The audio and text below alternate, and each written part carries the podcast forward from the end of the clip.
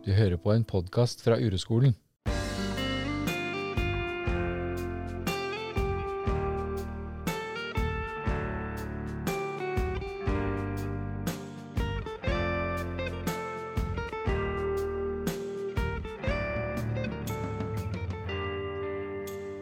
Du hører på Far og sønn. I denne episoden så snakker vi om kropp, og vi snakker om overvekt. Vi har eh, begge mye erfaringer med det temaet, og det er eh, et veldig sårt tema, men vi ble begge overrasket når vi begynte å snakke om det. Vi har ikke snakket om det før. Det har vært altfor vanskelig for begge to, så vi har bare holdt oss unna.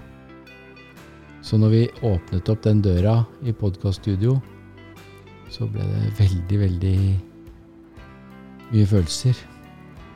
Mye vonde minner. Og også utrolig godt å kunne snakke om det der sammen. Første gang. Med sønnen sin. Og dette med kropp er et veldig, veldig stort tema i manges liv. Og det kan overføres til underspising, overspising, eh, jeg burde vært høyere, mindre, lengre. Så bruk din egen erfaring av dette med kropp når du hører på far og sønn som snakker om vår utfordring med overvekt. Da satt vi her igjen, da. Mm. Ja, eh, i dag skal vi snakke om kropp. Ja. Det er et ganske stort tema, da. ja, det er det. Eh, Det har vært et veldig stort tema i mitt liv, i hvert fall. Også egentlig mitt òg, i eh, liksom de nyeste årene, da, eller de siste årene, så har det liksom vært eh, Jeg vil si en av de største delene av livet mitt. Ja. Um, ja, det kan vi jo komme litt lenger inn i senere, da. Mm. Men eh, Men det er et veldig stort tema, ikke sant? Det ja, er, for, for andre også. det er jo en stor del av oss, på en måte. Eh, og det er, eh, det er veldig sånn viktig det, det er veldig sånn Det er et tema som får veldig mye oppmerksomhet i samfunnet, syns jeg. Ja.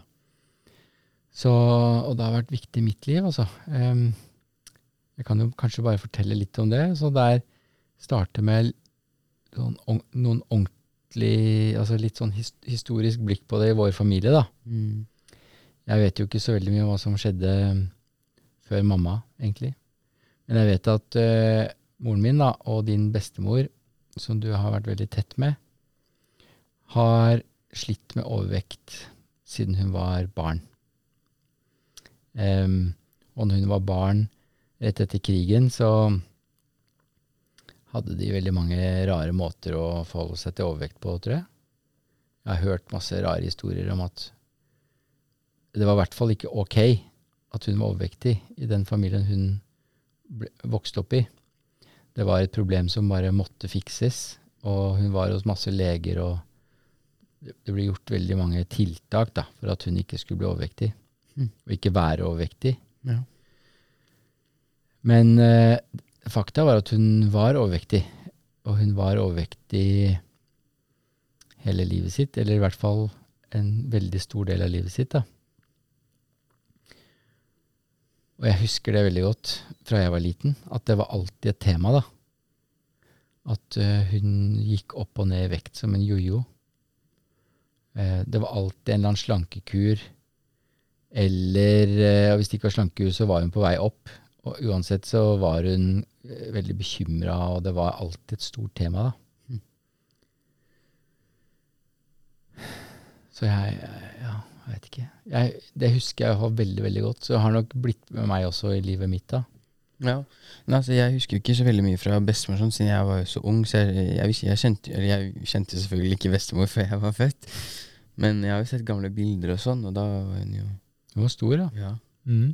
Og det var jo sikkert det som har påvirket henne gjennom hele livet, da. Med skader og alt sånt der.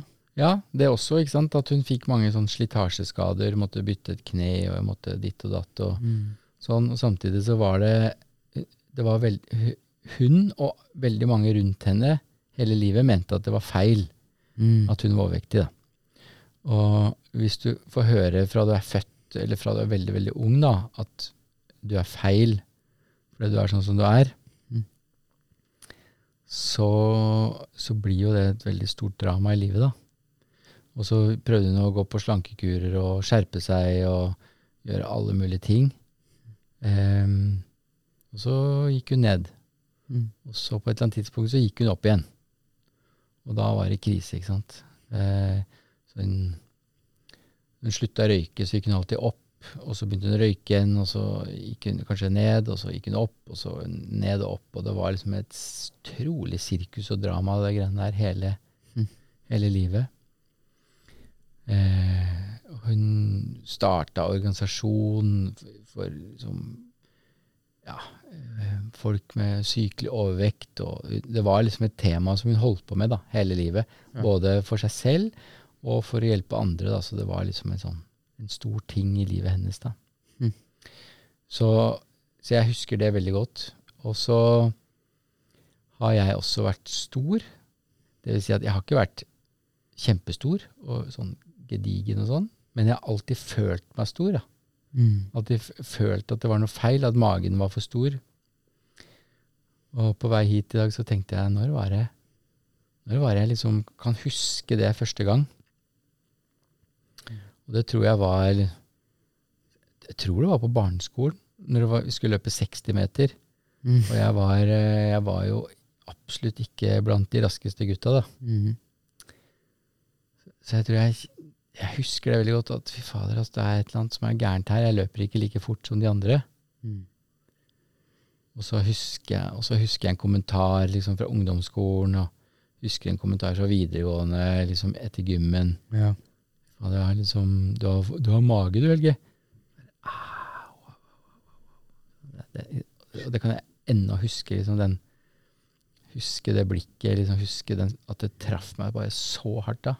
For det som, var, det som er litt Det jeg syns er interessant, er at det, fordi jeg har hørt så mange har blitt sånn mobba og erta og sånn for, for, dem, for kroppen deres. Da, og jeg var jo absolutt også meget, meget overvektig for den alderen.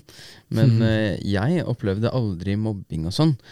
Og det var Jeg vil si det var grunnen til at jeg aldri gjorde noe med det.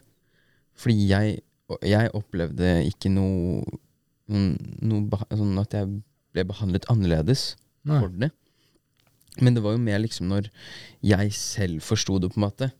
For når, man når jeg var ung, og sånn, så jeg skjønte, jeg, ikke, jeg skjønte ikke at det var så egentlig noe spesielt med det. Det var bare sånn jeg levde. Det var liksom min livsstil. Mm. Og at jeg da ikke ja, trengte å gjøre noe med det, siden det er jo bare sånn jeg er, liksom. Men at man da liksom får en da sånn forståelse for det, da. Ja. Over det. ja, så når du tenker tilbake da på sånn, Nå er du 16, da. Mm. Hvis du liksom tenker noen år tilbake, da. Fra du gikk på barneskolen og ungdomsskolen og sånn, hva, hvordan er det du tenker på det da, med kropp Nei, og sånn? altså, jeg var, når jeg var kid, så var jeg jo alltid Jeg hadde jo alltid en aktivitet jeg drev med. Ja. Hovedaktiviteten jeg drev med på den alderen, var jo skøyter. Mm. Og da var det jo trening før skolen, trening eh, i alle, alle dager i uka og Ja. hytt og pine. Mm. Og det var jo dritbra. Jeg elsket jo det. Men eh, så kom det en periode i livet mitt der jeg eh, Jeg vet ikke egentlig helt hva som skjedde. Jeg tror jeg bare Det var noe som, som skjedde i hodet mitt. Da, at det bare jeg ble lat. Yeah. Jeg bare ble lat. Eh, jeg tror det har noe med at jeg, hadde, at jeg begynte å få litt mer frihet over mine egne penger. Og at jeg da skjønte at jeg kan bruke pengene på søtsaker og gode ting. ja, det du hadde lyst på? Ja. Ja. At jeg da begynte å gi litt mer beng da, i det der, og at jeg bare ble en latsabb. Og at jeg da ga opp liksom det jeg drev med mest, og at jeg da sto uten noen aktivitet da, eller noe sånn. Mm. Ja, det var, det var det som skjedde. Det, det, det var jo også da skilsmissen skjedde. Det er sant. Ja, det var jo rundt i femte klasse, fjerde-femte klasse. Og også når vi Ja, når, ja, når skilsmissen var. Mm.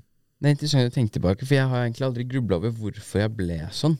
Hvorfor, hvorfor jeg begynte å spise så utrolig mye. Hvorfor jeg ble ja, Hvorfor jeg la på meg så mye, da. Det, det er vanskelig å vite det, ikke Ja, sant? det er det. Det Du kan an kanskje gi et sånt entydig svar på det. Nei. Men det kan være at en av årsakene var at du gikk, du gikk fra å være barn til å bli ungdom. Ja. Eh, en annen ting er at uh, foreldra dine ble skilt. ikke sant? De ble skilte, og uh, du havna kanskje litt mellom der, og det var vondt for deg. Og, Jeg husker jo veldig godt at um, bestemoren min bodde jo under oss. mm. Og hun var jo alltid hjemme med masse snacks. Hun hadde jo alltid mye greier. Så når jeg var ferdig på skolen, så pleide jeg alltid å dra til henne, spise der, yeah. spise masse greier, og så opp til dere igjen, og så spise der òg, ikke sant. Ja. Og så bare utviklet det seg til noe enda mer. Mm. Og um, Når du prøver å huske tilbake, greier du å huske hvordan du hadde det? Ja. på barneskolen så hadde jeg det supert. Mm. Jeg hadde det best fra første til fjerde klasse. Ja. Men det var jo faktisk når jeg begynte å legge på meg, at jeg, jeg mista liksom sånn men jeg, ja, det blir jo nesten selv... Jeg har mista selvtilliten min, da. Mm. På slutten av um, eh, Åh. Ja, nå kommer det sånne minner. Ja. På slutten av eh, barneskolen så husker du sikkert godt at jeg plukka hårene mine. Ja, Husker det? Eh, og jeg bare Jeg var så, jeg, jeg var så lavt nede, ikke sant. Jeg, jeg, Mm. jeg, jeg, jeg, hadde ikke noe selvrespekt. Eh, og den måten jeg gjorde det på, var at jeg Det er jo ikke selvskading, da. Men det er, det er på en måte en variant av det. ikke sant? Et Ja. destruktiv, selvdestruktivt mønster da, mm. som gjorde at du som reiv ut hår, noen hår liksom fra hodet og, og spiste. Noen da. var jo Ja, det var ganske mye. Jeg husker jeg, jeg lå i senga og så på YouTube, så bare reiv jeg bare masse hår. Mm. Til slutt så hadde jeg en måne bak her, Mm. og, hele og en sånn stor Flekk i panna. trekant i Mm. panna. Ja. Og øh, det, det var jo det at jeg var så Jeg, jeg så jeg, jeg var ikke Jeg så ikke på meg selv som en sånn som, ja, Det er jo det, da. Kjekk person, da. Ja, ikke sant? Så, det jo så du, kan, du kan huske tilbake og kjenne at, og huske at jeg, had, jeg følte meg ikke bra. Jeg hadde det ikke bra med meg selv. Og det går på kropp, og det går kanskje mye på kroppen. da. At jeg følte at jeg ikke var kjekk, eller at jeg hadde det som skulle til. da. Det, det var det, for jeg, jeg, jeg, Før denne episoden så tenkte jeg at jeg, det var egentlig ikke noe spesielt med at jeg la på meg, men når man ser tilbake, faktisk, så Ja.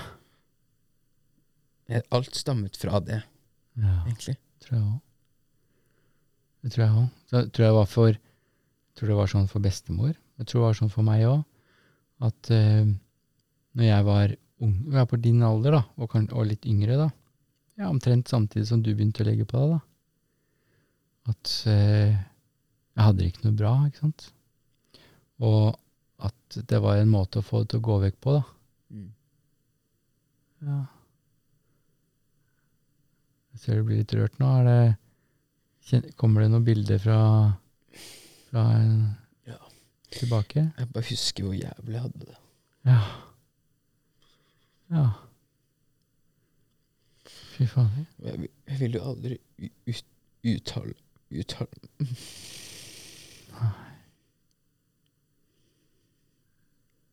Du, ville- du sa ikke noe til oss, Sven. Du sa ikke noe til meg.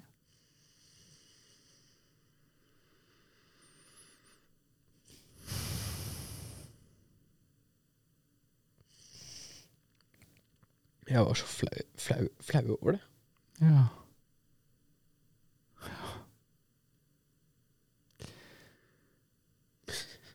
Jeg hadde jo mistet alle eller De fleste vennene mine også. Fra, fra barneskolen til ungdomsskolen. Ja. Jeg husker at da jeg begynte på ungdomsskolen, så sa jeg til meg selv alt at jeg skulle da begynne å trene for å Ja. bli som de andre, da.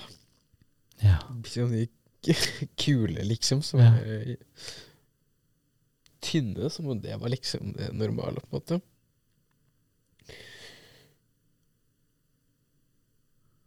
Ja. Ja.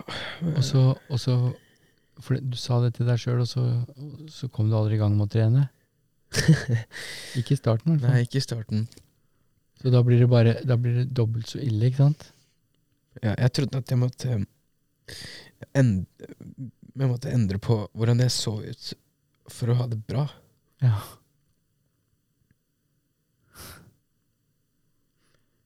Ja.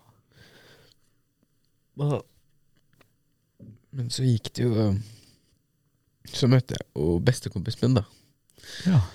Og han visste jeg at jeg ikke trengte å endre meg for da, for å ha det- ha det bra med, på en måte. Ja. Så det hjalp meg, da. Men altså, jeg var jo ikke akkurat den mest sosiale personen da på ungdomsskolen, så jeg hadde egentlig bare han, han kompisen min, da. Mm. Sånn at eh, At du hadde den kroppen du hadde da, den gjorde at du trakk deg unna. Ja. For du var jo Du var jo den mest sosiale gutten på barneskolen. Ja, det fikk meg bare til å ja, ikke ville være sosial, da. Ja. For jeg følte jeg skulle bli øh, liksom dømt. Ja. Så når du sier at du ikke ble mobba, så ble det jo ikke det, men du du, dømte du mobba deg sjøl nesten da, ved å trekke deg unna, liksom. Jeg har aldri fått en kommentar i hele mitt liv om hvor, hvordan jeg ser ut. Har, har du ikke? Nei. Så Det er du bare jeg som skaper alt jeg som skaper det greiene i, i ho hodet mitt selv, da. Ja. ja. Og det, men du har Vi blir jo bombardert med det, da, fra aviser og blader og, og, og alt som du På sosiale medier, kanskje. Da. Så ser du jo Ser jo mye, da. Ja. Da blir på en måte standarden lagt, da. Hvem er det som er de kule, liksom? Det var jo det, da. Liksom. Også den overgangen da fra barneskole til ungdomsskole, At vi skulle vokse opp og bli liksom Vi skulle bli sånn Vi skulle bli unge voksne, liksom. Og, og jeg følte jeg så ut som liksom sånn Jeg følte jeg ikke så noe gammel ut, måte, for jeg, hadde, jeg var så rund. Ja. Så jeg hadde liksom ikke noen tydelig kroppsform, på en måte. da Nei. Og jeg syns, jeg, jeg syns det var helt jævlig, da. Å gå på skolen og gikk jo faen meg bare de samme klærne også, for jeg følte liksom det var det eneste som passet kroppen min. Ja. Gikk i store baggy klær, ikke sant? Jeg husker jeg husker jeg gikk i de samme klærne i flere uker, og så fikk jeg en kommentar på det. Fy faen, det var jævlig, det. Og så, og så spurte jeg har du ikke noen andre klær. Ja, det, det var jævlig, men um, Ja. Det var først da jeg kanskje begynte å innse det, da. Eller det var jo også Andreas da som fikk meg til å liksom innse at jeg kanskje liksom At, jeg, at det var at det, ja, for det, var, det var egentlig at jeg, når jeg vokste opp, Mm. så forsto jeg det. Dere, du fant en trygghet sammen med Andreas, ikke sant? At du kunne, du kunne få lov å være sånn som du var. Ja. Men eh, Ja, det er ja, så rørende. Vi har egentlig ikke snakka noe om det her, vi. Nei. Før akkurat nå, da. Da ble jeg veldig veldig rørt, jeg òg. Jeg, kan fortelle deg litt om åssen det var å være meg, da. Ja. Jeg, jeg så den derre aktive gutten, da. Som var glad og hadde masse venner som Og så Om det var før eller etter skilsmissen, det var i hvert fall i, det, i den perioden hvor jeg og mamma hadde det vondt og vanskelig, da. Og så ble det forsterka etter skilsmissen, i hvert fall. Sikkert. Ja. At jeg, jeg så at det skjedde ting med deg, da. Jeg så at du endra deg. sant? Så at du trakk deg unna andre, og jeg så at du la på deg, ikke sant. Spiste. Eh, og, og hadde et par andre sånne selvdestruktive mønster, uten at det var jo ikke noe farlig, men det var liksom eh, Det var så bare utrolig vanskelig da. Eh, alt i meg hadde jo bare lyst til å hjelpe deg, liksom. Og fordi at hele min historie sammen med bestemor er jo det at ja, men det er feil å ha å være overvektig, eller legge på seg, da. At det er bare Det er feil. Det var det ene som gikk i meg. liksom. Det kan ikke være sånn. Han kommer til å bli mobba, kommer til å bli her utafor. Bare se, nå har han, trekker han seg unna, det blir færre og færre venner. Slutter på sport. Og det blir bare vanskeligere og vanskeligere. Og jeg følte liksom at fy fader, her er det opp til meg. liksom. Det er min skyld, det er mitt ansvar. Jeg må gjøre noe. Og via mannsgrupper og sånn, så Jeg snakka mye om det, da. Mm. Og så Så fant jeg ut at men det der Det løsningsfokuset der, det er bare gamle greier i meg. Det er bare Det er, kommer fra mamma, og det kommer kanskje fra før det, jeg veit ikke. Mm. Sånn, At jeg var akkurat like glad i deg, Ja. selv om du la på deg litt. Da. Og selv om du ikke hadde venner. Og hva vet jeg om hva, som, hva du trenger? Ja. Så jeg øvde meg på å la deg få være akkurat sånn, da. Og jeg tror det var ganske viktig for meg, faktisk. Ja, for jeg husker jo liksom Jeg, jeg snakket aldri om det greiene liksom med deg og mamma, da. Nei. Jeg vet ikke om det var sunt eller ikke. For jeg gikk jo alltid rundt med liksom sånn at jeg følte at dere syntes det var dumt at jeg, at jeg var sånn, da. Ja, du følte det? Det, eller, liksom, det det. eneste jeg husker, da, var at jeg, det. det var liksom i tiende klasse. Da jeg begynte å gå opp uh, veldig mye, da. Mm. Så skulle jeg uh, veie meg til det helsekortet før jeg skulle til Berlin. Ja. Og så Jeg hadde ikke vært på vekten på hvem vet hvor lenge, liksom. Og så husker jeg at jeg skulle veie, veie meg foran deg, da. Mm. Husker det, ja. Det skal ikke være så vanskelig, det, liksom. Det, det var pappa. Mm. Og så Ikke noe slemt mot deg, liksom, men så husker jeg at jeg gikk på vekten, og så sa du bare sånn Oi. Ja. og da skjønte jeg at så det var noe feil der, da. Nei, jeg, jeg husker det så godt. Det var, jeg, jeg tror det var, det var fordi at vi skulle ha en ny forsikring. Ja. En ny barneforsikring. Um, og, og da måtte vi veie Da måtte vi sende inn vekt. Og jeg husker at jeg grua meg til det. For at vi, ha, vi hadde liksom ikke rørt det der temaet der. Um, og jeg trodde jo liksom at eh, Jeg øvde meg på at du ikke skulle vite noen ting åssen jeg hadde det. Mm. Men du, du veit jo det. Du har nok kjent det, da. Ja. Og det, som jeg husker veldig godt akkurat det, jeg hadde glemt det. Når du sier det nå, så Hvor kjipt jeg syns det Vi skulle liksom bare prøve å late som ingenting, og vi skulle liksom, det var bare en helt vanlig ting. Vi skulle bare veie oss og skrive ned det. Ja. Og så for begge to så var det ikke det, ikke sant? Det var vanskelig, da. Så, og så liksom Å ja, oi sann. Ja, det var sånn, ja. Og så var det bare Fy fader, det her er vondt. ja. Og så kom Og det verste for meg var jo at vi fikk svar fra det forsikringsselskapet at vi kan ikke få forsikring på han. Han, er for, han har for stor ris risiko av vekten. Vi hadde en forsikring på det, så den har vi ennå, vi, men vi kunne ikke bytte, da, for vi fikk ikke noen ny forsikring. Og da husker jeg og mamma snakka sammen, og så var vi skikkelig stressa. Så ble vi sånn Fy fader, de der forsikringsselskapene, ass. Det der Altså, han er jo Han er jo stor, men han, så stor er han ikke. Det der er skikkelig kjipt at samfunnet er blitt sånn. Jeg veide bare sånn 88. Eller bare. Jeg veide 88 og var 1,60 da.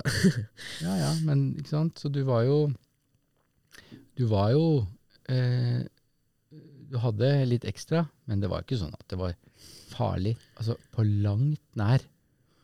Det var jo ikke det. Jeg Sant, klarte jo å jeg klarte jo å gå være i, være i normale livet, liksom. Det var jo Så jeg, da jeg kjente at da ble jeg Det gikk fra Da ble jeg bare sint på de forsikringsselskapene.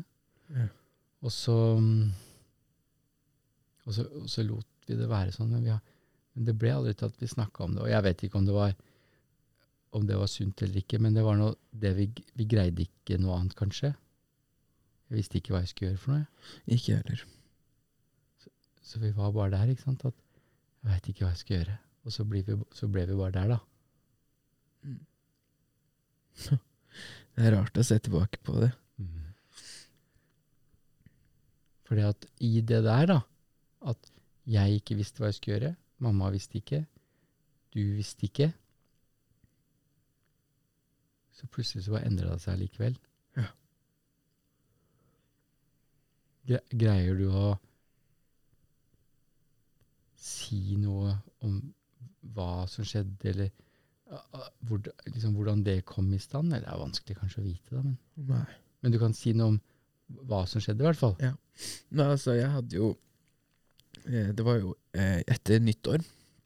Det var jo da ja, i 2020, starten av 2020, da. Mhm. Så eh, ha, eh, før nyttårsaften og sånn, så hadde jeg snakket med Andreas, da, som er kompisen min, som eh, Vi har snakket om at hvis jeg traff 100, da, da, skal, da må jeg trene, ikke sant, for det er tresifra, det går ikke. Uh, men så uh, Etter nyttår så traff jeg 90, da. Mm. Og 91. Og da Da hadde jo Da var det jo alltid sånn snakk om sånn nyttårsforsett og alt det pisset der, ikke sant. Mm. Men Og så var jeg veldig motivert, da. Og så hadde jeg jo gått på Friskis og Svettis, som er sånn treningssenter, Mhm. åttende og niende klasse, bare for å prøve, men jeg feila jo hver gang, ikke sant, etter eh, fem ganger, eller hva det var. Ja. Men jeg bare Jeg vet ikke. Det var bare noe at Andreas hadde, han, han hadde introdusert meg da, ordentlig til trening. Vi hadde liksom snakket mye om det. da Ja. Og så hadde vi gått liksom i detalj på hva planen skulle bli, og hva vi skulle okay. gjøre. Ok. Og så begynte jeg å trene, da. Og eh, jeg visste jo ikke egentlig hva man skulle gjøre for å gå ned i vekt, men så hadde Andreas fortalt meg at det, det handler ikke om trening, det handler om eh, dietten. Mm. Og at jeg skulle være da i underskudd. Mm. Og på dette tidspunktet så spiste jeg jo en giflarpose til eh, lunsj, en energidrikke og Ja. kanskje Når det var salg på New Energy, da var det tre-fire om dagen. Mm. Eh, så Men jeg bare hadde en sånn motivasjon da for å gjøre en endring. Jeg skulle ikke gå hele ungdomslivet mitt uten å være stolt av noe som jeg har liksom oppnådd. da Så jeg visste at det her Det må gjøres, liksom. Så jeg kan, jeg kan ikke fortsette å gå opp i vekt. Så jeg begynte å Eller jo, jeg må bare ta det her først. Fordi jeg husker veldig godt i syvende klasse at eh, vi hadde Eller jeg hadde vært på YouTube, og så hadde det kommet opp en video der eh, no, Only drinking water for 30 days. This is the results. Og han hadde gått ned masse kilo og så, helt, så mye bedre ut. Yeah. Og så jeg faen meg, det må jeg faen meg jeg gjøre, da. Så jeg slutta å spise, da. Jeg, også, men siden jeg visste at jeg ikke kunne bare slutte å spise, så prøvde jeg å snu om på det, sånn at dere kunne liksom forst- liksom at, jeg, at jeg skulle Altså, jeg hadde lyst til å ikke spise, men jeg visste at dere hadde ikke latt meg spise ikke spise, da, så jeg, vi fikk Eller mamma som fiksa salater og sånn, da. Mm. Og jeg merka at det var godt å spise det. Mm. Men jeg hadde jo altså, Så jeg, jeg fasta hele dagen til jeg kom hjem. Ja. Og så spiste jeg den salaten, da, eller hva det er. Mm.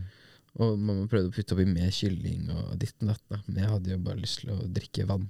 Ja. For jeg trodde det skulle hjelpe, ikke sant. Ja.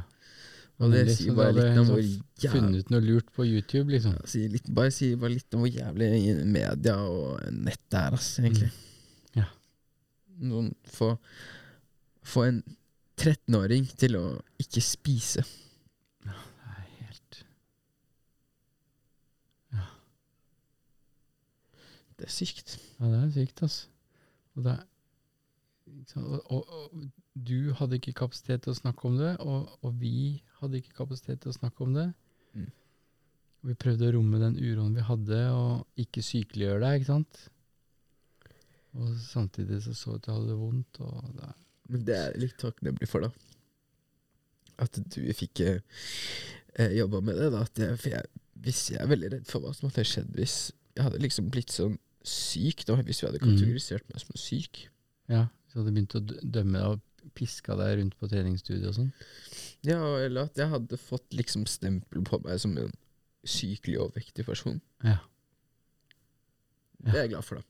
Det er du glad for. Det er At jeg kunne, fader meg jeg er glad for òg. At jeg var bare vanlig ungdom, selv om jeg var bare litt tjukk. Du hadde, du hadde det vondt i livet, ikke sant? Ja. Og det kom ut sånn. Eh, Så det handler ikke om at Det handler jo ikke om at du var feil, eller at du var Men det, var, det var sånn det var, da. Det var sånn jeg så på det. Mm. Så at du var ikke noe sykelig overvekt. Og så, men så plutselig så fant du Andreas, da. Ja. Og, og, fi- og jeg tror at nøkkelen her, det var det du sa selv, da. At sammen med Andreas så kunne du være akkurat sånn som du var. Og være god nok. Føle deg god nok. Og at i det så kunne du plutselig finne en motivasjon til at dere gjorde det sammen, da. Han fikk satt meg på rett spor, da. Og jeg fant den der indre motivasjonen som bare fikk meg til å Ja, ville bare eh, gjøre meg selv til en bedre person, da, på en måte. Fordi det, det var det som hadde hengt igjen hele ungdomslivet mitt, eller også barndommen min, da. At jeg ikke ser bra nok Jeg ser ikke bra nok ut. Jeg kommer ikke til å ha det bra på videregående hvis jeg fortsetter å se sånn her ut. Ja. Ok. Så det var, det var motivasjonen min, da. Mm. At jeg skulle Jeg skulle bli ugjenkjennbar, da. At jeg skulle bli liksom Ja. Ja. Så satte jeg meg et mål da, med å miste 20 kilo til sommerferien. det var jo Det var jo Var- På et halvt år, liksom? februar, mars, april, mai, juni, juli Ja, halvt år, da. Ja. Ehm, så fordi jeg skulle miste én kilo i uka, da. Og så gikk det så jævlig bra, da. Med den dietten. Jeg begynte å spise bare kylling, jeg drakk smoothie til frokost, og så spiste jeg minimalt med brød og sånn, da. Mm. Um, men jeg passa alltid på at, skulle, at jeg skulle bli sykelig, sånn at jeg skulle bare ha 1000 kalorier, da. Men på det minste så var det jo liksom 1300-400 kalorier om dagen. Mm. Men jeg Jeg husker den perioden. Det tenkte jeg ikke på, da. Nei.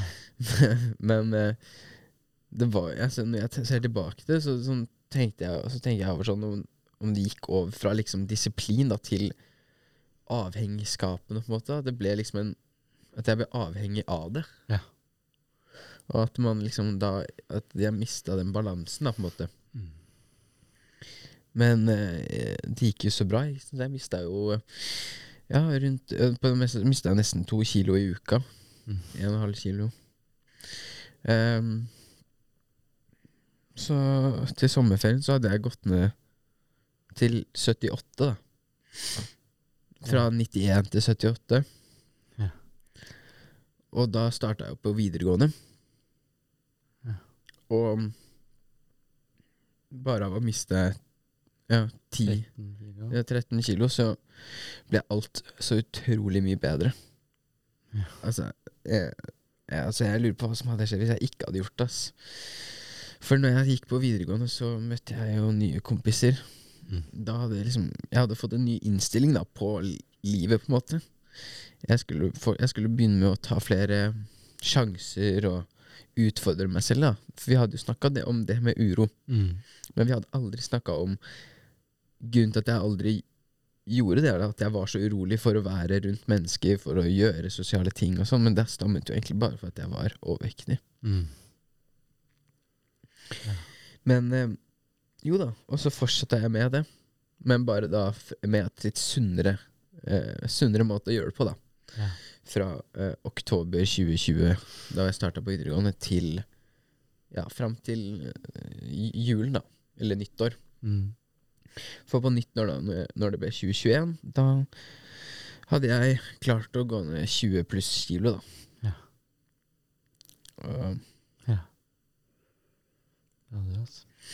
det var Det er det jeg er mest stolt over, da. Ja. Det er helt utrolig, altså. Samtidig så eh, Jeg, jeg syns det var vanskelig den perioden òg, jeg, da. For at, sånn som du sier nå, at jeg kom på rett spor, gjorde det som er rett. Sant, at det går, det går jo sikkert an å ha et veldig fint liv som overvektig òg, det, at man må ikke være tynn for å ha det bra, men, men det at du, du fikk en kompis hvor du kunne få lov å være sånn som du var, at du fikk lov til å At du kunne f, et, Følte veldig at du Eller det var sånn at du jeg kan være sånn her, sammen med Andreas. Og dermed så var det ikke Da skjedde nå det, men det er ikke sikkert at det måtte skje. Jeg føler at det gjorde sånn at jeg, jeg følte at jeg ikke trengte å Nei. trene for å Eller jeg trengte ikke å bli normalvekt da, for å ha det bra. Nei. Men jeg skjønte selv at jeg kommer ikke til å ha det bra hvis jeg ikke gjør noe med det. Nei. Så det var veldig sånn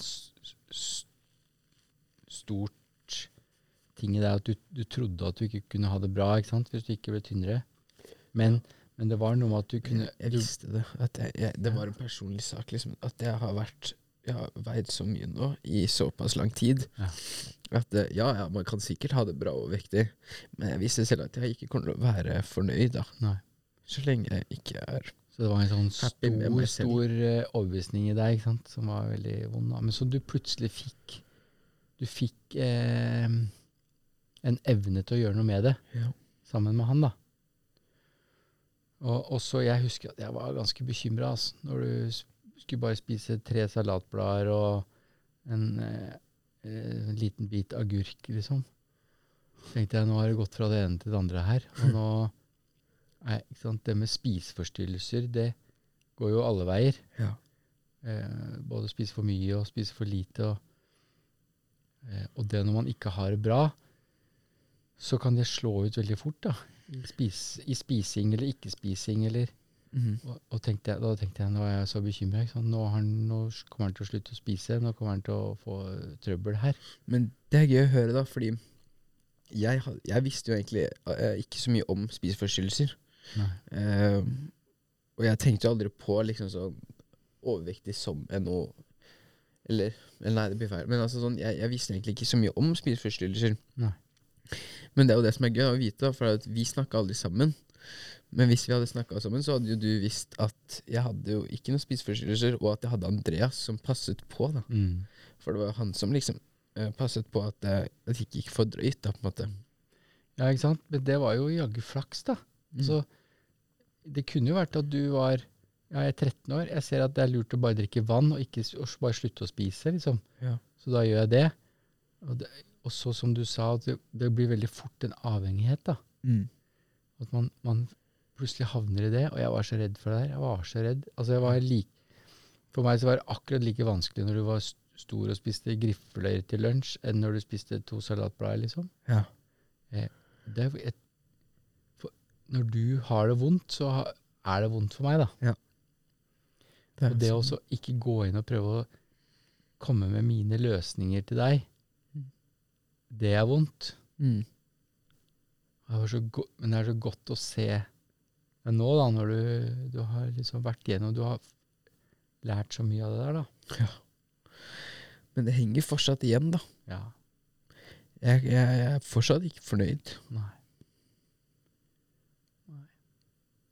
Det henger igjen hos meg òg, etter så mange år. Det er jævlig vanskelig. Ja. Fordi selv om jeg ikke er 20 kilo, liksom, og folk eh, skryter og sånn, så er ikke jeg fornøyd. Nei.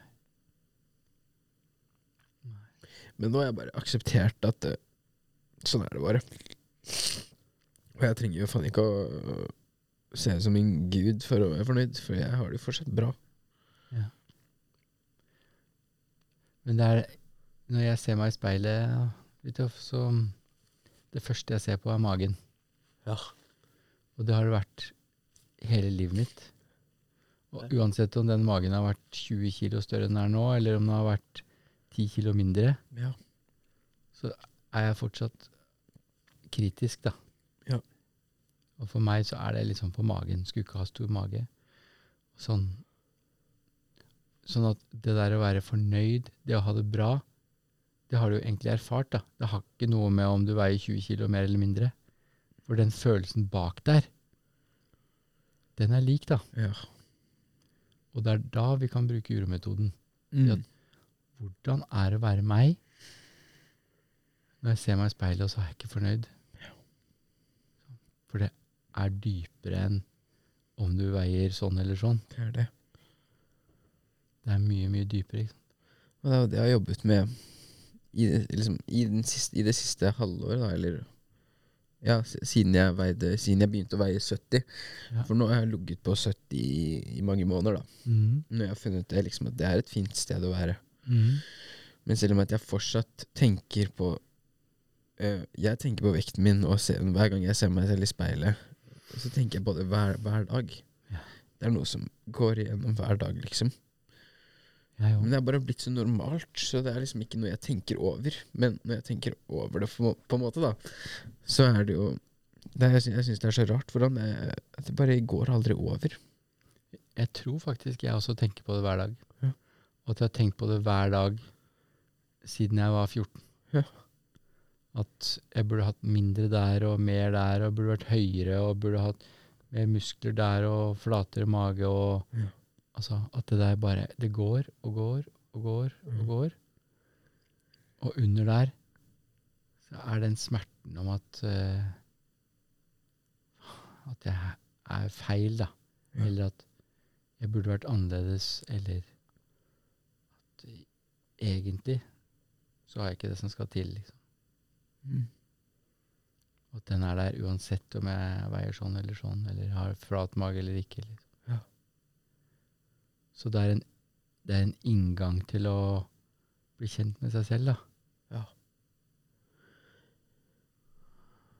Hvordan, hvordan høres det ut, da, det, nå som du har vært gjennom det der? Ja, det, det, det, det er det jeg har gjort, da. Eller det jeg prøver, prøver på, da.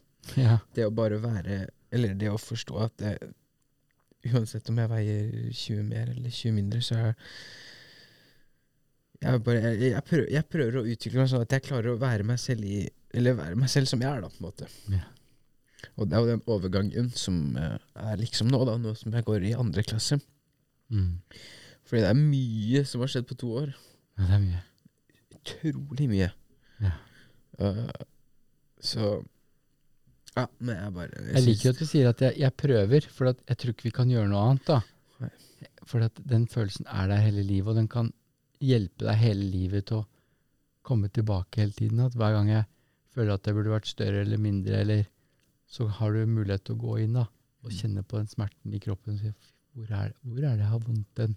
Og jeg tror at jeg burde vært tynnere, liksom. Greier du å kjenne det nå, eller hvor det, hvor det er hen? ja, Nå er det litt for mye følelser. eh, er masse følelser. sånn, så jeg- Ja. Men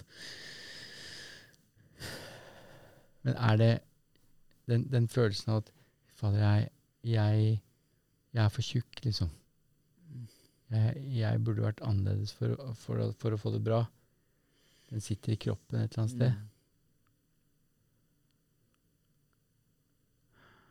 For meg så sitter den i solar plexus. Liksom. Der, der, der er det.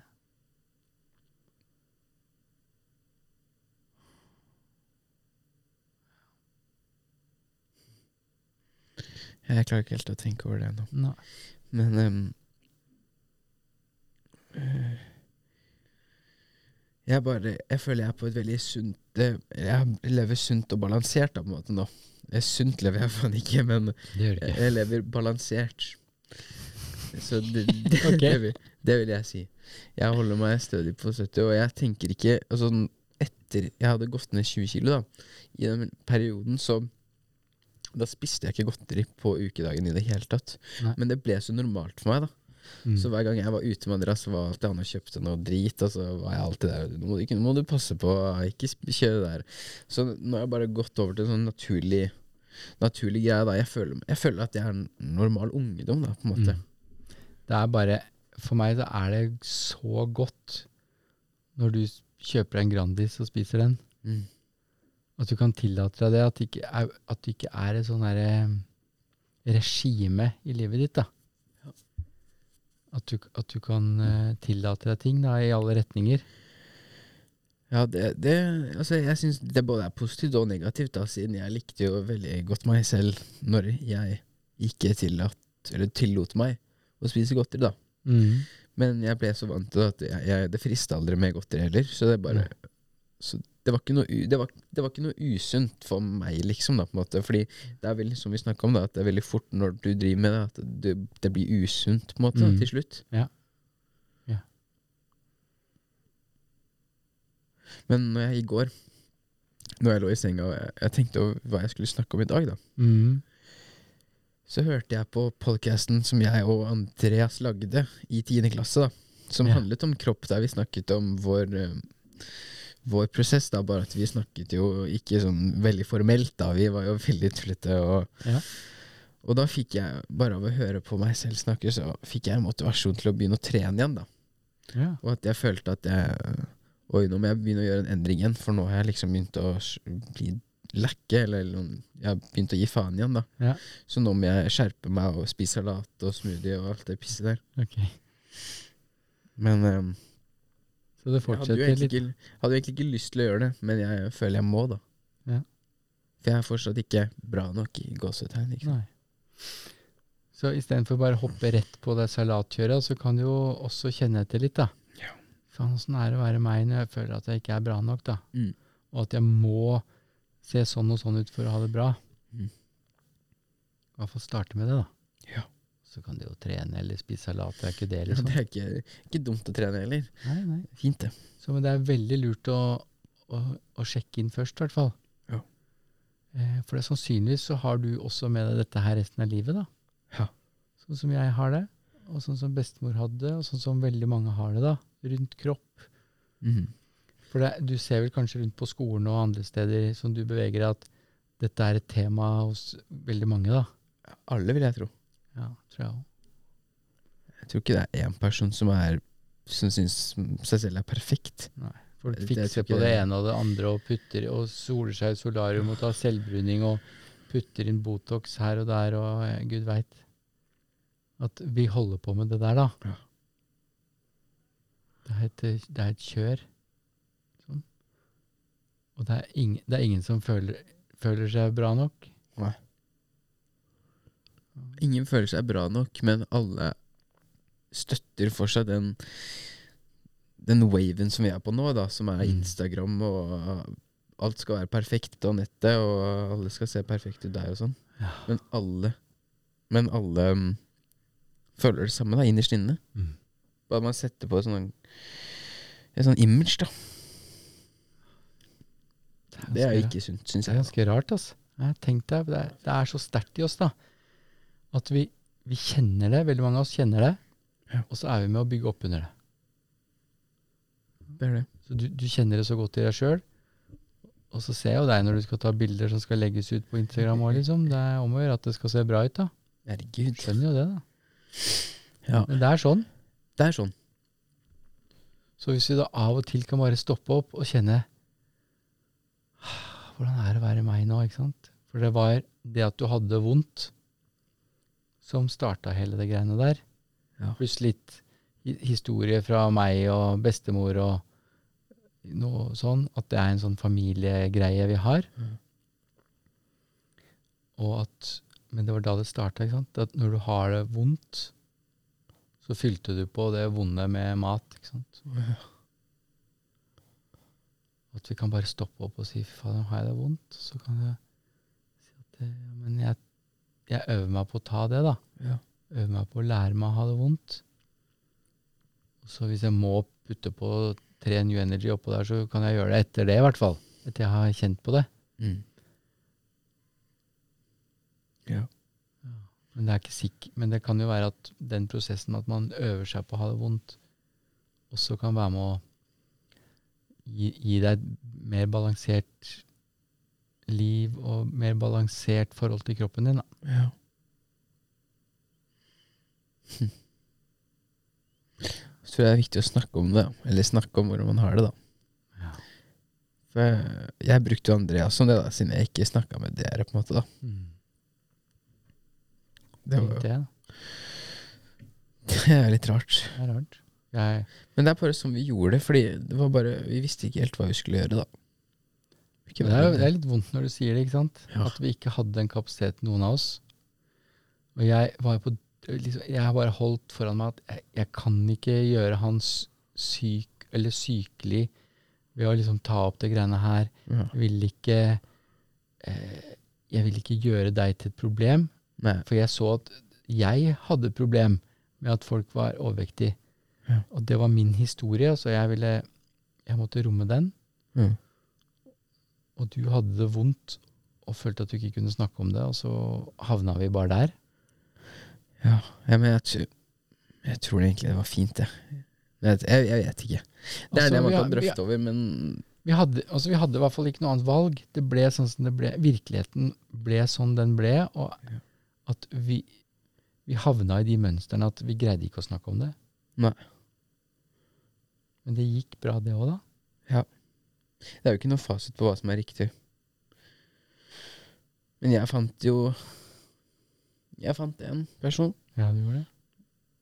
og så fant jeg meg selv. Så fant jeg. Ja. Det er jo en All den smerten som du har Det kommer fram veldig mange ting i minnet sånn når vi snakker om det nå. Hos meg òg. All den smerten du har hatt med der, all den smerten jeg har hatt med der. Jeg kan si hva jeg vil, men at det er god erfaring i livet. Ja. Det er det i hvert fall. Det er det. Og det er den smerten som har gjort at vi har mulighet til å gjøre noe annet. da. At vi kan bryte ut av det. Jeg er takknemlig for at jeg, eller at jeg kunne gå godt gjennom noe sånt, da. Du ser det. Ja. Det gir deg en, det gir deg en større tyngde. Det det var et litt rart ordspill, da, men det, det gir deg en, en mer dybde i livet, da. Og et annet perspektiv, syns jeg. Ja. På en måte. Ikke helt hvordan, men liksom. Ja. Nei, men det der at du, du har kjent på at Det er ikke sånn at når du ble tynnere, så selv om livet ditt endra seg så grunnleggende, så ble du ikke mer lykkelig, Mm. kanskje. Har det bedre, da. Har det bedre. har det bedre med meg selv. Ja. Selv om jeg vil ikke, jeg vil ikke, at, jeg vil ikke at jeg skal få frem et budskap om at ja, hvis du føler at det er noe feil med deg selv, så må du endre det. Men Ja, jeg vet ikke. Det Det her er bare en personlig sak, da. du, du, fikk noe, du, du fikk tilbake noe av den selvtilliten du hadde. Ja. Det, det tror jeg du gjorde. For jeg hadde, jeg hadde, så, jeg hadde det så bra da i gåsetegn før, Mm. og så gikk alt til helvete. Mm. Men så klarte jeg å bygge meg selv opp igjen, da, på en måte. Ja. Ja, det var det som var mest tungt, da. At jeg hadde det så bra. Og så når jeg var stor, så så jeg tilbake Mm. på hvor bra jeg hadde det. Ja. Det var jævlig vanskelig. Ja, det er vanskelig. Åssen ser du tilbake på det nå, da? Hvordan da? Altså, se tilbake på hele den prosessen du har hatt. Både ja, fra hele barneskolen, ungdomsskolen, det at du har vært overvektig, nå er du ikke overvektig.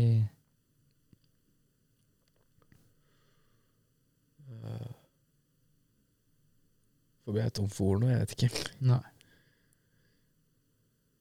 Men du, du sa at du var glad for at du har hatt den opplevelsen. Ja. Jeg er glad at jeg har gjort noe med det jeg syns var vanskeligst, da. Ja. Altså, jeg klarte å liksom å Jeg følte at etter det så har jeg liksom Jeg klarte å mestre det. Da, da, kan, jeg, da kan jeg gjøre hva som helst, på en måte, da, liksom. ja.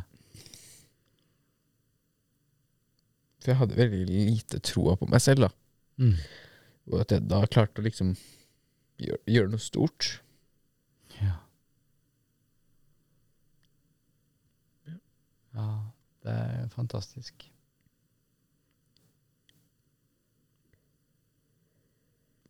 Jeg tror for All den smerten det har vært for meg, da, å sett på deg ha det vondt, sett på deg være desperat på slanke Ikke desperat, da, men at du spiste de to salatbladene og sånn, og at hele den prosessen der har vært utrolig vond og vanskelig. Ja.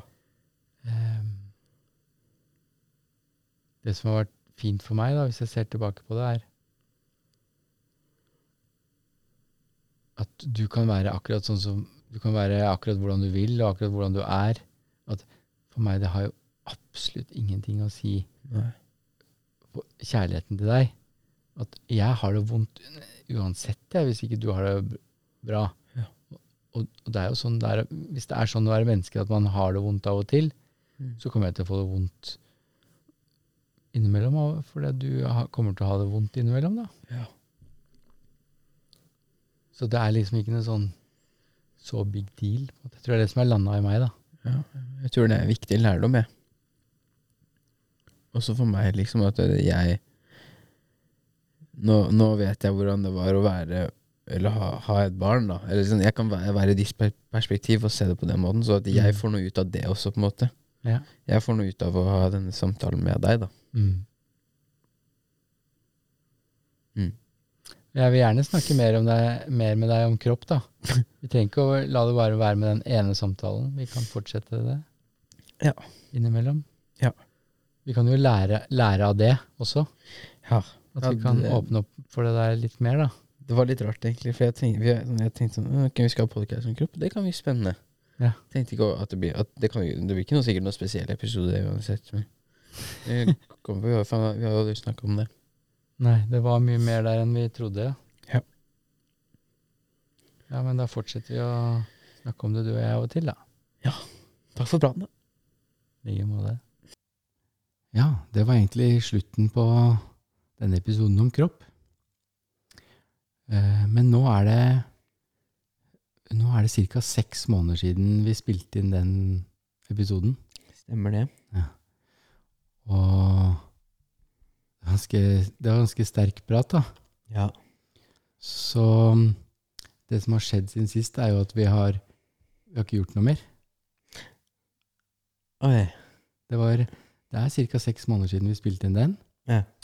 Og den ble liggende i skuffen. Og vi trengte en liten pause. Ja. Ja. Ja, det var jo det det ble til, egentlig, når jeg tenker det. Ja, det ble det.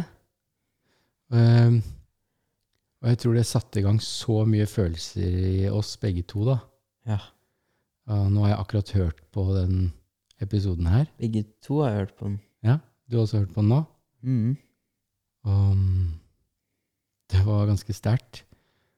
Og jeg fikk liksom litt lyst til at vi skulle mm, bare kommentere litt på det. Mm. For jeg ser eh, Jeg ser en del ting. Og det første jeg tenkte, var at her må vi, vi må klippe litt, eller vi må Kanskje vi må spille inn noe på nytt og sånn. Så tenkte jeg nei, vi gjør ikke det. For at den var perfekt sånn som den var. Og, og det er jo akkurat sånn livet er. Livet skjer, og så etterpå så tenker vi ah, fader, jeg burde gjort mer sånn, eller jeg burde gjort mer sånn. Og jeg får litt sånn sånn Et sånt angrep fra min indre kritiker som jeg kjenner veldig godt igjen. da. Mm. At ah, jeg burde gjort sånn, og åh, hvorfor gjorde jeg ikke mer sånn, og jeg burde sagt det, og. Så jeg tenkte bare kunne kommentere litt på det. Jeg er veldig enig i det du sier der. Ja. Og for, det med, for jeg kjenner jo den lille indre kritikeren i deg, ikke sant? og det gjør jo meg veldig redd til å ja, være komfort... Eller sånn Ja, dette er, dette er den vi spilte inn, og nå skal du skal få høre den. Selv om du spilte den på nytt, så vil jeg ikke at du skal høre den om igjen. på en måte, For jeg liksom Ja, siden det var liksom en sånn sårbar for meg, at jeg var redd for at du skulle begynne å pirke på ditten datten. Og derfor har det ofte vært litt vanskelig for meg å liksom begynne å sette i gang med å eh, redigere eller ditten datten, så jeg bare putter det i skuffen, liksom. Ja. For det Så vi møter, måte å dytte dem på. altså vi møter våre mønstre, da. Begge to. Ja. I- Så det er jo utrolig nyttig, da. Mm. Så jeg tenker jo egentlig dette er jo vår gave. Sånn, Det at vi sitter her og snakker om disse tingene, liksom. Og så kan Vi kan jo dele det med andre hvis vi vil, liksom, men vi trenger jo ikke. Nei. Men eh, så, Men det jeg hadde tenkt å si, så kan jo du se hva du kommer i kontakt med, da. Men Mm. Jeg ser det at eh, liksom uti, uti den episoden en gang Vi nærmer oss Jeg vet ikke når det var, jeg, men uti der en gang. Så ser jeg at jeg blir veldig opptatt av at du skal si et eller annet. Og at Mm. jeg har liksom En eller annen gang i den podkasten så danner jeg meg en eller annen plan for en agenda om hvor den samtalen her skal føre. Mm. Og det Det er egentlig var litt sånn vondt å høre, da. Mm. Ja, men hvorfor kan jeg ikke bare la deg si det du sier, liksom? Men, men, men det var det som skjedde. At jeg ble veldig opptatt av at du skulle eh, si at det spilte ikke noen rolle Nei. hvordan du hadde det, om du var tykk eller tynn. Eller noe sånt, da. Ja, ja, men det, det var Ja, ja. Ja. Du, du kjente igjen det, du Ja, men jeg, jeg fikk det ikke sånn Eller jeg tenkte ikke på det sånn direkte, og han prøver å si noe, men jeg sa jo til deg på slutten sånn Ja, jeg merka når jeg snakka, at jeg var liksom bare på min egen bane og tenkte egentlig ikke helt på liksom det generelle, det vi egentlig skulle snakke om, da, på en måte. At jeg heller tok min bane. Og jeg syns det var greit. Ja. Men det var derfor jeg var litt redd for da, og at folk skulle høre, for jeg var redd at folk skulle få feil inntrykk, da kan man si. Ja. Men så tenkte jeg det skal jo ikke jeg bry meg om. Det her er bare min historie. Ja, Ikke sant? Og ja, jeg, hør, jeg skjønte jo, og jeg angra litt på at det ble sånn som det ble. Ja. Men så tenkte jo, jeg tenkte akkurat som det er sånn Jeg syns den er fin som den er. Det var meg for seks måneder siden, og Ja. sånn ble det. Og det var meg for seks måneder siden. Ja. Og det var livet, og det var virkeligheten. Ja. Så det var veldig kult. Og grunnen til at jeg har liksom lyst til å bare kommentere det, er liksom bare vise frem det at sånn er livet. Mm. Og etterpå så kan man få sånn åh, jeg burde gjort sånn, og jeg burde gjort sånn. Og det som jeg tror skjedde, var at det var så sterk den første delen av podkasten Mm. at vi kom i kontakt med så mye følelser. Ja. Og når vi blir trigga Når de følelsene blir trigga, eller når uroen blir trigga, da, så skjer det Da havner vi i det som vi kaller et reaktivt mønster. Og det reaktive mønsteret, det er bare Ja, det bare går inn i mønster, og det skjer automatisk. Og det som skjedde, var at ja, men jeg må få det der til å bli et eller annet spesielt, da. Og jeg hadde ikke, jeg hadde ikke noe valg. Det, det skjedde jo bare helt automatisk. Det var ikke noe jeg bestemte meg for. Det er bare akkurat sånn uroen og de reaktive mønstrene fungerer, da. Så selv om det er litt sånn skamfullt, og jeg som er urolærer og greier, liksom, så er det jo sånn i mitt liv Ja. hele tiden. Uro Når du kjenner på mye følelser, så kan det komme ut i veldig mange forskjellige måter. Og det er jo det vi snakker om, bare å reflektere over Ja, nå var jeg sånn, og da skjedde det sånn. Ja. Og hvordan var det å være meg da? Det. Under den podcasten, så når jeg også Jeg kjenner meg jo igjen det du sier. Når jeg har lyst til å ha styring på ting, så kanskje prøver jeg å få folk til å gjøre ting sånn som jeg vil. Ja. Og så samme som en podkast. At du har lyst til å bane podcasten i riktig vei, i gåsetegn, liksom. Mhm. Og man vil jo gjøre det bare for Man tenker jo ikke over at det er noe sånn Eller jeg vet ikke, det er, jo, det er bare sånn det er. Når man har lyst til å få noe fint ut av det, da, måte, så Ja. kan det bli sånn. Men det er jo ikke Det er jo ikke rett, det, da, liksom. Men det var det som ble så fint, at vi kan snakke om det nå etterpå, og se tilbake på podkasten og si ja, den ble, jeg syns den var fin som den ble. Ja, det var det. Og det er veldig nyttig å kunne vise fram det der litt skamfulle greiene, liksom. At ja, sånn skjer i Ja. livet, liksom. At uh, det skjedde. Og det har jo skjedd veldig mange ganger i, i vår relasjon, at jeg har prøvd å få deg til å si noe eller gjøre noe som jeg mener er rett. Eh, så det er nyttig, da. Veldig vanlig, det. Og det andre som kanskje hører til det her, da, det er jo det der Ja, kanskje det som jeg prøvde å få deg til å si, da. Um,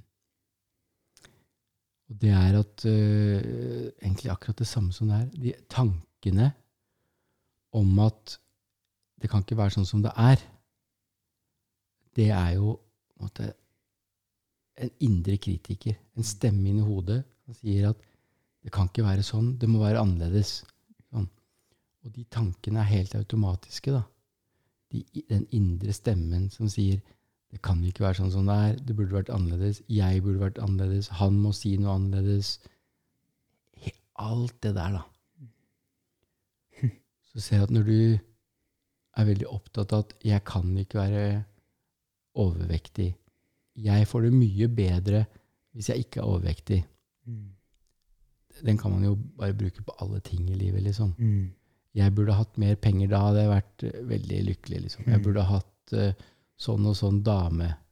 Jeg burde uh, hatt sånn og sånn kropp. Jeg burde sånn og sånn. Alt det der, det er bare den indre kritikeren som går. Så det er veldig gøy når du sier det du sier. Da. Nå, nå tenkte jeg tilbake igjen. Ja. Og så da bare sånn Shit. Jeg trodde det var rett. Men sånn Kanskje det, er, kanskje det var riktig for meg, da, men når jeg tenker tilbake nå, så jeg Og det er jo bare den indre kritikeren, da. Akkurat som alt annet som jeg har følt. Nei, jeg må ha den gaming-PC-en, jeg må ha ditten, jeg må ha datten, for da blir alt bra. Og det er jo nå, da, etter seks måneder og sånn, så er jeg jo fortsatt på samme bane for meg som seks måneder siden. Jeg er jo ikke bra nok, liksom. Nei. Alltid den samme. Og det er nå er det huden, liksom, og du burde hatt mindre kviser, det burde Ja. vært sånn, det burde vært sånn. Det er. Og den indre kritikeren, den har nemlig en oppgave, da. Den, den holder på med det der hele tiden. Den kommer til å holde på med det hele livet. Og det som vi kan gjøre, da, så siden det kommer til å holde på hele livet, da, så kan vi bli klar over Å ja, nå holder det på med det igjen. Og så kan vi gå til det som er under den indre kritikeren. Det som er eh, For den indre kritikeren den bare kommenterer alt. Kommenterer bare alt. Men uroen, da. Hvordan er det jeg har det i brystet, i mellomgulvet, i magen, liksom? Når, den, når jeg tror på at jeg ikke er bra nok. Hvordan er det der? Det er nyttig. Den indre kritikeren er jo meg hver dag. ja, det er den. Det er rart å tenke på når man, når man blir fortalt det på nytt. For man, det er lett å glemme ting, da. Ja. I hvert fall den kritikeren. Sånn, det er jo den har kommet veldig Den kommer opp hele tida, i hvert fall for meg. Ja. Jeg, tenk, jeg er veldig sånn overtenker. Ja. Som går gjennom situasjoner tusener av ganger. Nei, sånn skulle det ha vært. Sånn skulle. Så jeg kan komme opp med 10 000 forskjellige ting nå, som når akkurat den der kommer opp. Liksom. Ja. Og hvem er det som bestemmer hva den indre kritikeren skal si, tror du? Det er hodet mitt, altså. Tankene? Ja. Og, og, og hvem er det som bestemmer akkurat hva de skal si? Ingen, er bestemmer det. Nei. Det er et mønster. Det er et mønster. Det er et helt automatisk mønster som er danna i deg av en eller annen grunn. Det veit vi ikke. Og jeg veit ikke når det kom. Kanskje Sannsynligvis har det vært der hele livet. Det har i hvert fall blitt sånn, da. Gjennom din oppvekst i dine nå 17 år. Så er det blitt sånn at når du ser på kroppen din, så sier den ja, det burde ikke vært sånn. Du burde vært tynnere, eller du burde hatt mer muskler, eller du burde hatt, vært høyere, eller du burde hatt eh, finere hår, eller altså Det bare går og går og går. Ja, og sånn er det i meg òg, ikke sant? Hver gang jeg ser meg i speilet, så bare Fy faen, jeg burde hatt mindre mage. Jeg burde jo det, ikke sant? Ja. Og det har, det har han sagt i 40 år, da. Eller noe sånt. Nå, nå har jeg bare så lyst til å gå tilbake i tid og si til Fridtjof Ikke si det her. Tenk heller på hvordan det er å være deg nå som du føler det, liksom. Ja. Forhåpentligvis så har du en del år igjen da, til å si det til deg sjøl. Ja, jeg kan tenke på meg nå, da. Trenger ikke å gå tilbake i tid, kan jeg heller begynne nå. Du er jo her nå, da. Ja. Du holder på med det samme, ikke sant? Og jeg holder på med det samme. Og noen ganger så tror jeg på det der, Ja. og da er det veldig vanskelig å være meg. Og andre ganger så kan jeg gjenkjenne Å ja, der, nå er jo det der igjen. Det der har jeg jo hørt hele livet. Jeg bare går heller inn i mellomgulvet. Jeg får jo veldig ofte sånn uro i solar plexus. da. Jeg, Å ja, nå har jeg vondt der. Ok, jeg flytter fokus dit. Tar de vekk fra de der, den indre kritikeren som all- den, Han sier jo bare det samme hele tiden, liksom. ja, men det er jævlig vanskelig, ass. Det er vanskelig, ja. Altså, altså når jeg tenker, ja, nå, nå bare tenker jeg tilbake på alt. For sånn, jeg har ikke tenkt på det for lenge, liksom. Nei. At sånn, jeg går så lenge med den samme tanken om og om igjen. I dag, jeg vet ikke hvor mange ganger jeg kan tenke, hvor mange ganger jeg har sett meg selv i, bild, i Snapchat på selfiekamera med huden min, liksom. Ja. Jeg føler jeg ser helt jævlig ut. Ja. Og jeg prøver bare å, ja, jeg prøver å skyve det vekk ved å tro at det kan bli bedre med at jeg fortsetter med kuren, at jeg fortsetter med, jeg må jo tenke mer på hvordan, ja, hvordan er det å være Nå har jeg kviser. Hvordan, Hvordan er det å være deg når du tror på at det, du ser helt forferdelig ut, liksom? Ja. Hvordan er det akkurat nå, da? Nå syns jeg er teit. Du syns det er teit, ja? Ja. Så da, får du, da sier kritikeren og du er teit som tror på det, liksom. Den finner alltid en vei, da. ja, det gjør det. Så at de tankene, de tankene, indre kritikeren sin oppgave, er å kommentere livet. Og stort sett så er det alltid negativt. Mm. Og uansett hva du velger. Hvis du velger å trene det, ah, jeg, burde, liksom, jeg, burde egentlig, jeg hadde egentlig mest lyst til å slappe av. og sånn. Hvis du velger å ikke trene ah, faen, jeg burde vært og trent. Det er jo, du kommer aldri unna, liksom. Fy faen. Den er med deg hele livet. Den er med hele livet. Så du ser at veldig mye av det kropp, alt det vonde greiene som både du og jeg har hatt da, med kropp, det handler om det der. At vi tror på den der indre stemmen, indre kritikeren.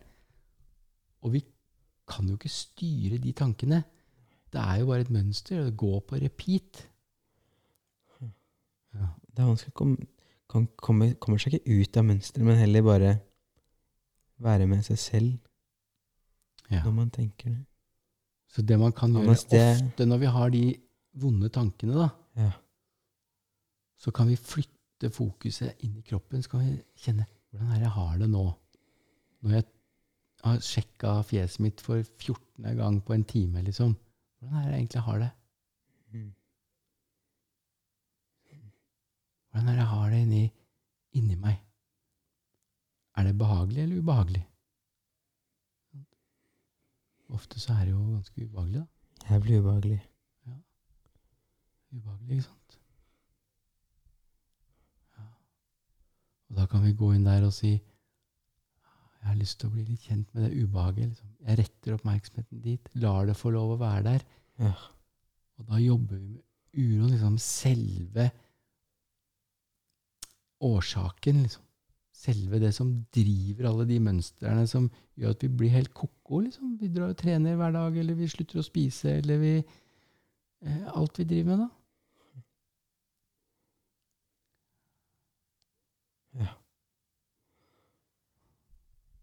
Jeg klarer ikke å slutte å tenke om sånne greier nå, Ja. Nei, Ble du litt uh, satt Jeg føler jeg hører på en podkast. ja. Ja. Shit. Og så, sant? og så blir vi ja, så, Det var jo det som skjedde med meg. Jeg hørte på den podkasten, så ble jeg skamfull. Å, hvorfor snakka jeg ikke om det, liksom? Ja. Jeg burde snakka om det. Men vi hadde jo bare Når vi satt og snakka sammen da for et halvt år siden, så hadde jeg ikke den kapasiteten. Det kom ikke opp. Jeg var for aktivert, og da var mønsteret i gang. Og nå har vi muligheten. Sant? Og du, holdt, du har begynt med det her eller for lenge siden, da, men du er 17 år, liksom. Eh, Det er mange som ikke begynner å se på deg før de er eh, midt i livet, da. Ja. Refleksjon. Men det derre For jeg har jo Jeg prøver jo meg på det vi sier nå ubevisst i hverdagen. Ok? Sånn, fordi siden vi har jo drevet med det, ikke sant. Mm. Så sånn, ok, nå kjenner jeg på et ubehag, liksom. Så jeg sier jo ikke til meg selv sånn Ok, hvordan er det å være meg nå? Men jeg sier jo liksom jeg, jeg, da, da går liksom Ja, det i det mønsteret som jeg har liksom laget over, eller, over tid, da, at ja, ubehag Ok, det er jeg kjent med. Ja. Nå sitter jeg i ubehag, liksom. Men så er det mange ganger da det, da det ikke går. Ja. Er det bare, da går jeg tilbake i de samme mønstrene. Kanskje jeg sjekker meg selv, kanskje jeg bare skjemmer meg selv ut, liksom. For Ja. det er liksom det beste å gjøre. Ja. Det er Noen ganger så har vi den muligheten, noen ganger så har vi ikke den. Det, er bare, det er veldig bra innsikt. ikke sant? At det sånn er det. Sånn er det for meg òg. Noen ganger har vi ikke kjangs, og det er veldig kult å kunne minne hverandre på det. liksom. Det er viktig. Sånn, hvordan er det å ha det egentlig liksom, nå, når du flyr rundt og skal trene og spise riktig? og Hva er det som skjer? liksom? Ja, Ja, er det, sånn- hvordan er det under det der?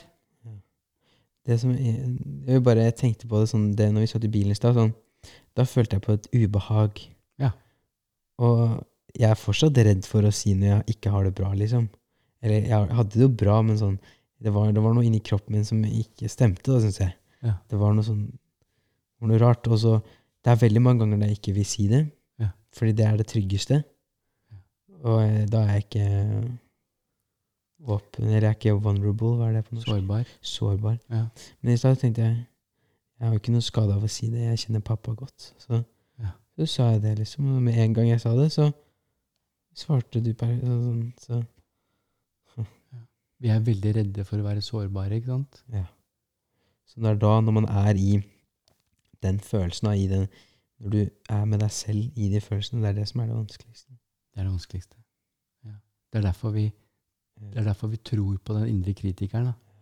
som mener at eh, ja, du må gjøre sånn, du burde gjøre sånn, ja, men hvis du bare gjør sånn Hvis bare noe er annerledes, så kommer det til å bli bra.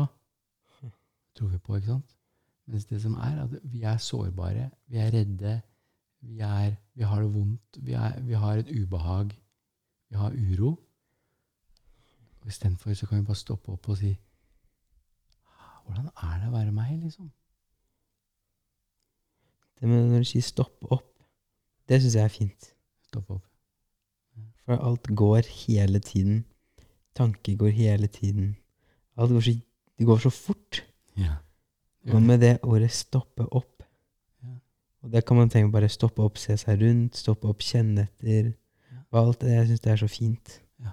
For da, da ser man liksom Ja, for da, da legger man merke til ting, da. Og så kan vi bare gjøre det når vi husker på det, ikke sant? Ja. For det, at det, det går. Sånn, tanken, du kan ikke styre de tankene. De kommer. Du kan ikke styre følelsene. De kommer. Og noen ganger så er vi bare helt hjelpeløse inni alt det der. Mm. Av og til så kan vi huske Oi, nå husker jeg på det. Jeg stopper opp. Mm. Jeg stopper opp og lar det være akkurat sånn som det er. Uten å prøve å forandre det. For det går Ja. Det er når man begynner å prøve å endre på ting. Ja, prøve å endre på tankene sine. Det samme som prøve å endre på utseendet sitt for å endre tankene. Ja. Eller bare være med det. Sånn. Ja, nå skal jeg begynne å bare tenke gode tanker. det går ikke. Det har jeg prøvd, altså. Det har jeg aldri fått til. Det prøvde jeg jo. Ja. Jeg prøvde bare å være glad. Hvordan gikk det? Det gikk én dag. Ja. Var sånn Det var Ja. sånn helt Det var veldig En sånn dag. Men det var sånn surrealistisk faktisk følelse. Jeg var så glad over av, av livet. Ja. Jeg var så sånn Jeg vet ikke, jeg var takknemlig, så jeg hadde bare lyst til å gi tilbake, liksom, til verden. Ja. Men det går ikke, ut, for vi er mennesker. Vi er mennesker. Så det er veldig fint når man har det sånn, Ja. og så går det over. Det var litt slitsomt etter hvert. Slitsomt. På grunn av indre kritikeren. Ja. Og så kan du si at når vi har det vondt, så går det også over. Mm. Det er ikke noe som er konstant. Det er bare at når vi har det vondt, så tenker vi Skal det være sånn resten av livet nå, liksom? Ja. Jeg, jeg får ikke til noen ting, jeg. Og så når vi er glad, så prøver vi å tviholde på det, liksom. ja, for det er når man er deppa, det er da de tankene går, altså. Da går de. Shit. Og det er jo sånn det er typisk at når man har det dårlig, da skal den indre kritikeren bare fike ut så mye som mulig. Ja, du kan ikke ha det dårlig. Skal du sitte her og ha det dårlig, da liksom være deppa? Du kan ikke være deppa, du burde ikke vært sånn. Du burde vært glad, du burde ha hatt, hatt det fint. Ja, De tankene, de kommer jo hver gang. Det er ganske nyttig å se det, da. At de går bare i loop, de. Ja. Det er bare de samme greiene.